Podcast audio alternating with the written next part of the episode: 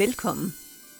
Du skal nu høre en af mange fortællinger om herregårdenes historie og deres omkringliggende landskab og kulturmiljø. Fortællingerne er udarbejdet af Gammel Estrup, Danmarks Herregårdsmuseum og Dansk Center for Herregårdsforskning.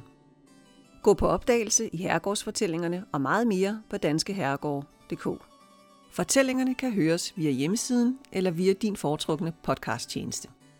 Denne fortælling er en introduktion til et emne, der knytter sig til de danske herregårde og kan høres før, under og efter en tur ud i dit lokale herregårdslandskab. God fornøjelse. Hvad er en herregård? Der er ca. 730 herregårde i Danmark, men det nøjagtige tal afhænger af, hvilken definition på herregård man anvender. Begrebet herregård er grundlæggende et historisk begreb, som knytter sig til en virkelighed, der ikke længere eksisterer. Det er Dansk Center for Herregårdsforsknings opfattelse, at man kun kan betegne en gård som værende en herregård, hvis den var det på en tid, hvor begrebet var nutid.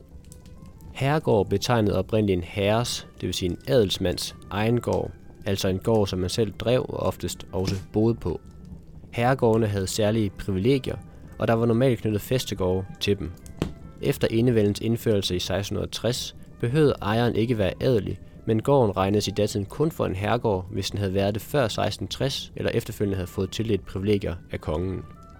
Privilegierne blev gradvist afviklet, men den sidste rest af herregårdenes særstatus forsvandt først i 1908, hvor 10. afløsningen kom.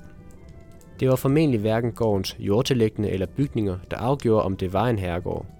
Generelt skilte herregårdene sig der ud fra andre gårde, både ved markernes og bygningernes størrelse, men de mindste herregårde var mindre end de største bondegårde.